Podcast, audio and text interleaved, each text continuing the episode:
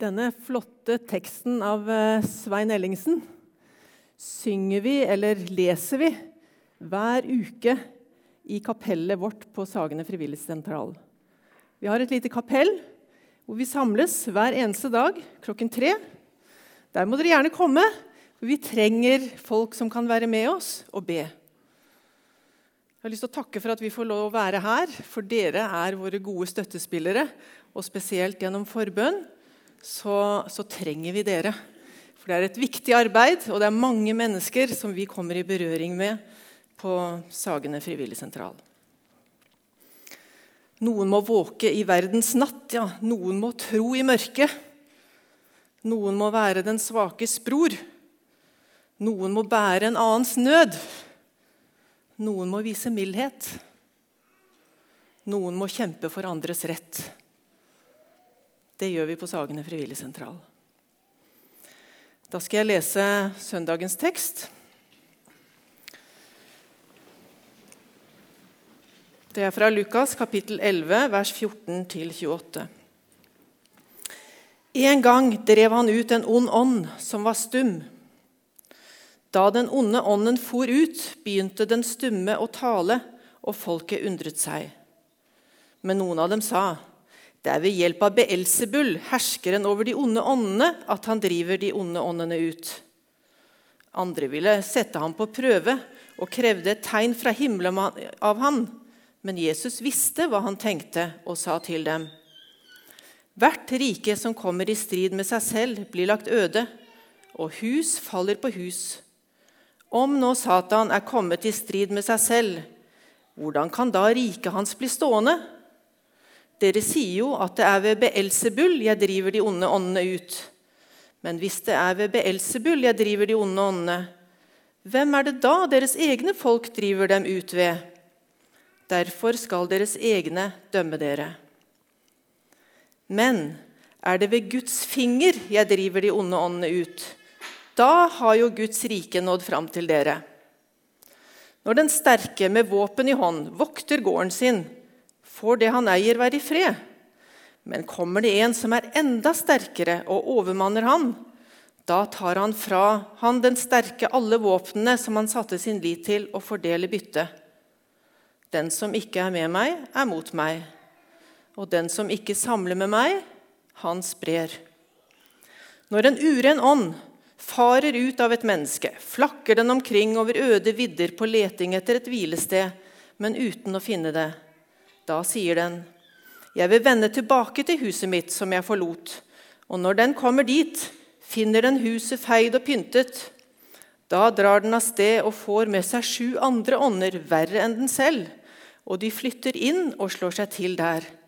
Og det siste blir verre for dette mennesket enn det første. Da han sa dette, ropte en kvinne i folkemengden til han. Salig er det morsliv som bar deg, og brystene du diet. Men Jesus svarte, Si heller, salige er de som hører Guds ord og tar vare på det. Slik lyder Herrens ord.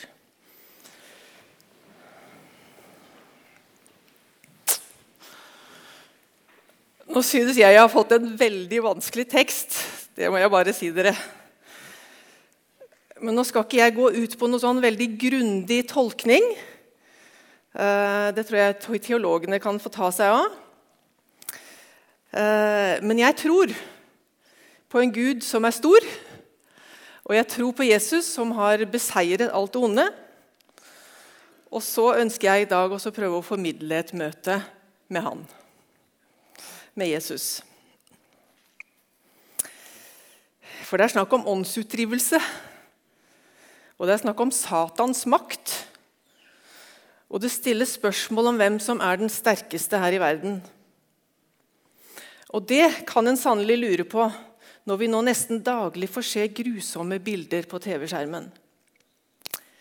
Vi hører om sult, krig, tortur, terrorangrep, menneskehandel, slavearbeidere, menneskeverd som krenkes, misbruk, fanger som sitter fengslet uten lov og dom, Mennesker som diskrimineres for sin rase, sin tro eller sitt kjønn. Det er ikke vanskelig å forestille seg at det finnes en djevel. Men hva er djevelens skyld, og hva må jeg selv ta ansvar for? Vær edru og våk, sier Peter. Deres motstander djevelen går omkring som en brølende løve. Jesus har her gjort et under, og folket undrer seg. Noen var skeptiske, noen var mistenksomme. Jesus gjorde noe godt, men så ble han møtt med skepsis. De ville sette ham på prøve, og de krevde et tegn. Men Jesus visste hva de tenkte, og setter fingeren på noe som vi alle står oppi, nemlig stridigheter oss imellom. Og han ber oss om å dømme oss selv. Hvilke riker er det som er i strid med hverandre? Hva er det vi strides om? Etniske grupper, muslimer og kristne, nabo mot nabo, min nabogrense, og dette er min grense, de konservative, de liberale de svarte og de hvite, den rene ariske rasen, de rike og de fattige, jeg og de andre. Storfilmen 'Silence' går på kinoene nå. Jeg har ikke sett den enda, men jeg har lest at den handler om Guds taushet. Jeg tror det kan være en fin film å se nå i påsken. Jeg har lyst til å se den men jeg har lest litt om den. Hvor var Gud da japanske kristne på 1600-tallet ble torturert og drept? Tvunget til å fornekte sin tro eller gå under jorden og leve troen i det skjulte. De kristne ble tvunget til å fornekte sin tro. Og For å avsløre de kristne ble det lagt ut såkalte tråkkebilder på bakken. Dette var tre plater med relieffer av Jesus eller Maria og andre hellige bilder som de ble tvunget til å tråkke på. Om de nektet, så kunne de risikere å bli torturert til de ga avkall på troen sin. Og Så blir det klart for pater Rodriguez, som er en av karakterene i filmen, at Kristus ville ha tråkket på bildene for disse menneskenes skyld. Kristus ble født til denne verden for å bli tråkket på. Han bar korset for å dele din og min smerte. Og Kristus i dag han blir tråkket på igjen og igjen. Det var derfor han kom. Og Vi lever i dag mellom skjæringspunktet mellom lys og mørke. Og det er virkelig nærliggende å spørre har Jesus virkelig all makt over naturkreftene, over sykdom, over de onde ånder, over døden. Hvem er Gud egentlig? Ja Det er ikke så. Det er vanskelige spørsmål. Gud er verken god eller ond. Gud er kjærlighet. Og Gud viste sin styrke gjennom svakhet, gjennom å fornedre seg selv og gjennom å bli tråkket på. Jeg leser nå en bok i fasten av Peter Halldorf. Den heter 'Mellom skumring og mørke'. Jeg kan anbefale den boken. Små stykker i, som tar for seg hver dag. Og Han sier det finnes ingenting i livet som Gud ikke kan bruke til å lege oss. Våre sår kan bli en ny åpning for Gud. Våre erfaringer kan bli til både velsignelse og forbannelse. Der vi er på det mest sårbare, er vi også mest åpne. Gud henter det gode frem fra det onde. Den mørke natten er Guds verk, og troens vei er kjærlighetens vei. Og så sier han noe fint. Gud kommer til oss, rører oss med en ømhet og med en kjærlighet som forklarer livet, til tross for at vi ikke har fått noen forklaring.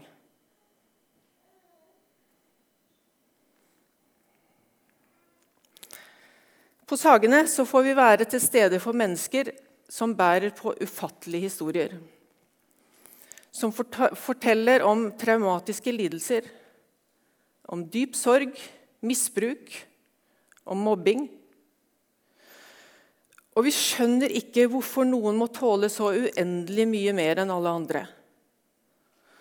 Og hva som er meningen med alt det disse går igjennom. Men vi vet at det er viktig at vi er der.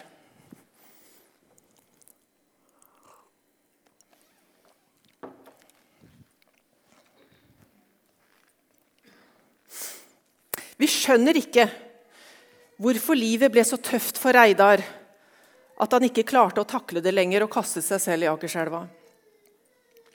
Vi skjønner ikke hvorfor Mona er så full av angst at hun ikke kan gå ut for å handle.